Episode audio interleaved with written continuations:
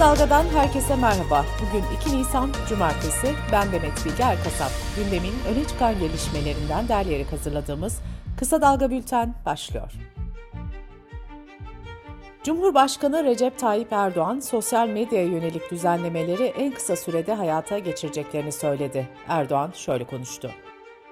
Sosyal medya kararında ve bilinçli kullanılmazsa bir bataklık gibi içine düşeni yutup yok edecek tehditleri içinde barındırıyor.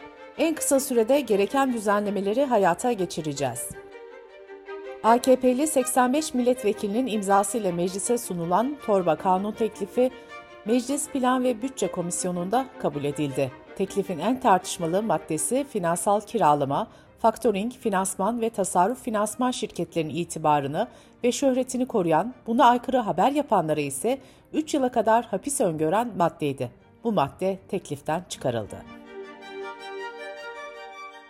AKP ve MHP'nin birlikte hazırladığı seçim mevzuatında değişiklik öngören kanun teklifi de Meclis Genel Kurulu'nda kabul edildi. Yeni düzenlemeyle şimdiye kadar %10 olarak uygulanan seçim barajı bundan sonraki seçimlerde %7'ye düşürüldü. İttifakın aldığı oy toplamı ülke barajını geçtiği takdirde seçim çevrelerinde milletvekili hesabı ve dağılımı, ittifak içinde yer alan her bir partinin o seçim çevresinde aldığı oy sayısı dikkate alınarak yapılacak. Mecliste grup kurmak seçime katılabilmenin yeter şartından biri olmayacak. Siyasi partilerin seçime girebilmesi için 41 ilde örgütlenmeleri ve büyük kongrelerini gerçekleştirmeleri gerekecek. Cumhurbaşkanlığı hükümet sistemine geçilmiş olması sebebiyle seçim kanunundaki başbakan ibareleri çıkarılacak. Adalet Bakanı Bekir Bozdağ, dokunulmazlığı kaldırılan HDP'li Semra Güzel'e ulaşılamadığını belirtti. Bakan Bozdağ, resmi kanallar açısından yurt dışına da çıkış gözükmüyor dedi.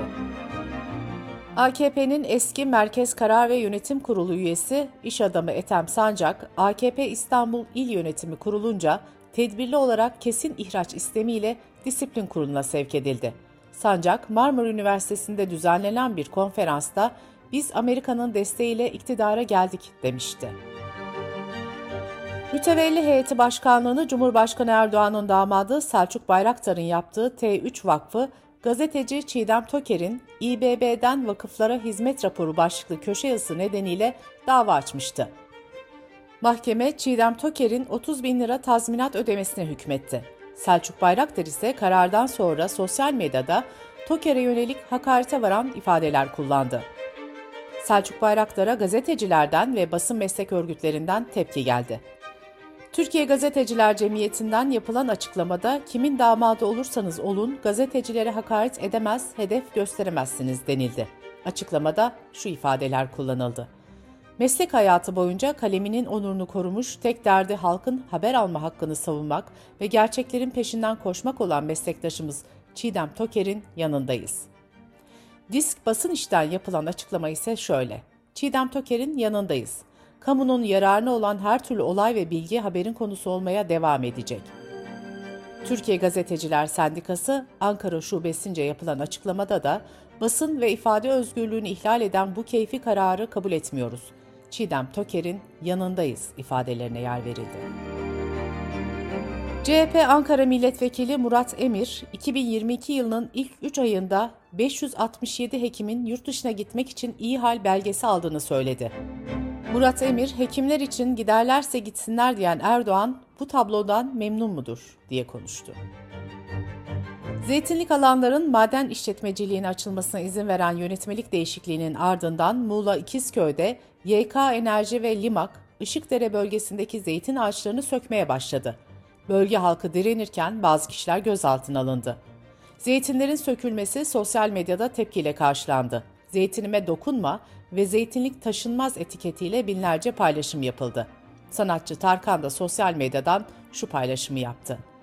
Zeytinliklerimizin kıyımı başladı. Ne desek, ne yapsak yine kulak asan olmadı. Zeytin ağaçlarımız katlediliyor. Çok üzgünüm, yazıklar olsun.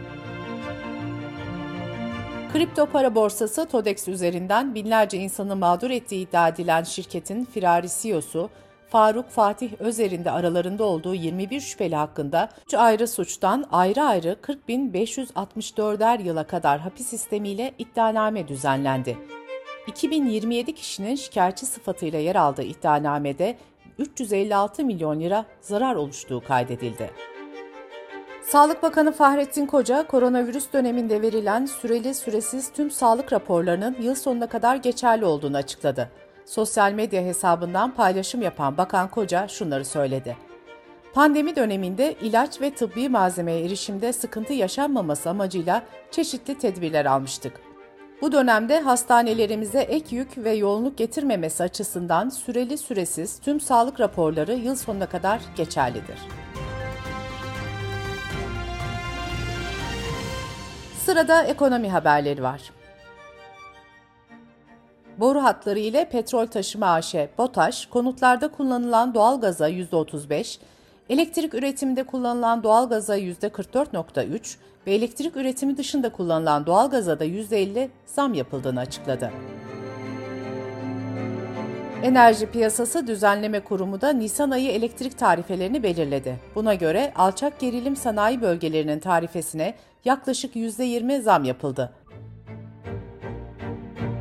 Türkiye Ziraat Odaları Birliği Genel Başkanı Şemsi Bayraktar, 2022 yılı Mart ayında üretici ile market arasındaki fiyat farkının 5,5 katı aştığını açıkladı.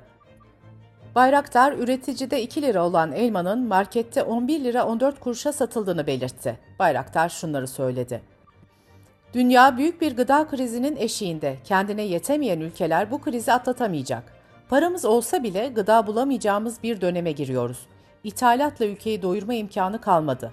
Acilen tarımda üretim seferberliği ilan edilmelidir.'' Türk Telekom'un altyapısı üzerinden sağlanan geniş bant internet tarifelerinin toptan aylık fiyatlarında %67'lik bir artışa gidileceği belirtilmişti. Ancak Telekom bu oranın doğru olmadığını açıkladı. Açıklamada fiyat artışının iddia edilen oranların ve enflasyonun da altında olabileceği vurgulandı.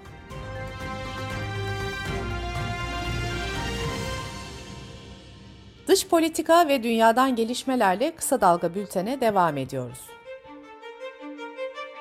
Reuters'ın haberine göre Ukrayna, Rusya sınırları içerisinde yer alan bir bölgede bir yakıt deposunun yer aldığı tesisi füzelerle vurdu. Saldırının ardından Kremlin'den açıklama yapıldı. Kremlin sözcüsü Peşkov, saldırının müzakereleri etkileyebileceğini söyledi. Ukrayna Dışişleri Bakanı Kuleba ise saldırıyı Ukrayna ordusunun gerçekleştirdiği yönündeki bilgileri teyit etmedi. Ukrayna'daki saldırılarda misket bombası kullandığı iddia edilen Rusya'ya bir suçlamada Uluslararası Af Örgütü'nden geldi.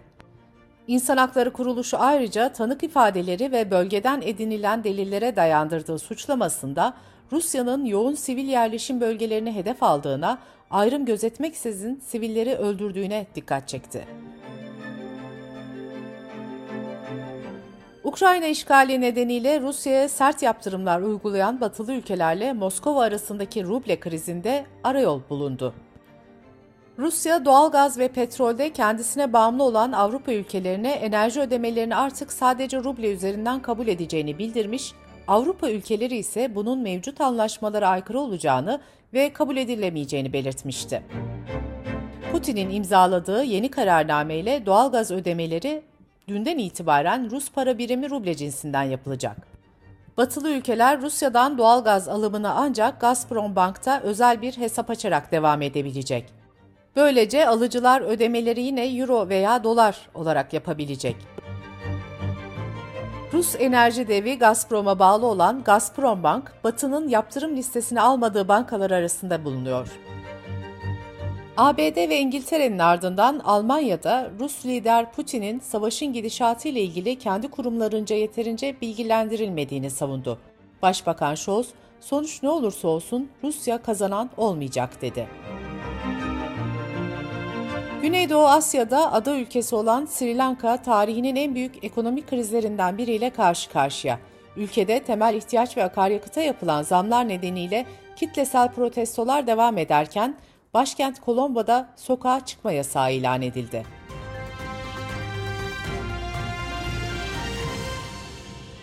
Bültenimizi kısa dalgadan bir öneriyle bitiriyoruz. Eşit Haklar için İzleme Derneği ve Kısa Dalga İşbirliği'nde hazırlanan Yasaksız Meydan'da Zeynep Duygu Ağbayır'ın konuğu Avukat İdil Mahmutoğlu. Mahmutoğlu, barışçıl toplantı ve gösterilere müdahalelerde orantısız güç kullanımını ulusal ve uluslararası iştihatlara göre değerlendiriyor. Kısa Dalga.net adresimizden ve podcast platformlarından dinleyebilirsiniz.